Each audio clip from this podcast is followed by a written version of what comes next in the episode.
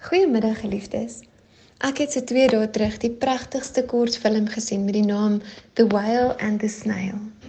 Die storie vertel hoe 'n seeslak droom om die wêreld te reis, maar dat al sy pogings faal. Dan kom daar 'n eislike groot walvis, tel die slak op sy rug en saam doen hulle die onmoontlike. Hulle reis die wêreld.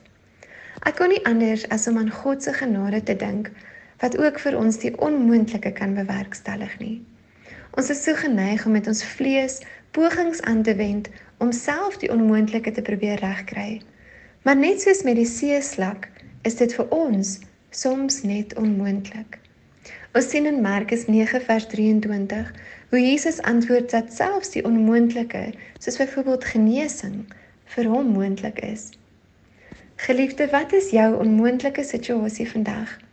God wil jou bemoedig en vir jou verseker dat soos daardie geweldige groot walvis is God by magte om geweldige wonderdade te bewerkstellig. Vir hom is alles moontlik. Wat vra hy ons in ruil?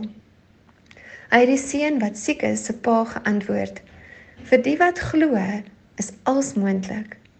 Gryp daarom vas vandag aan God se geweldige genade en sien hoe hy ook vir jou die onmoontlike bewerkstellig. Leef die onmoontlike lewe saam met God. Ek bid dit vir jou in die naam van Jesus. Amen.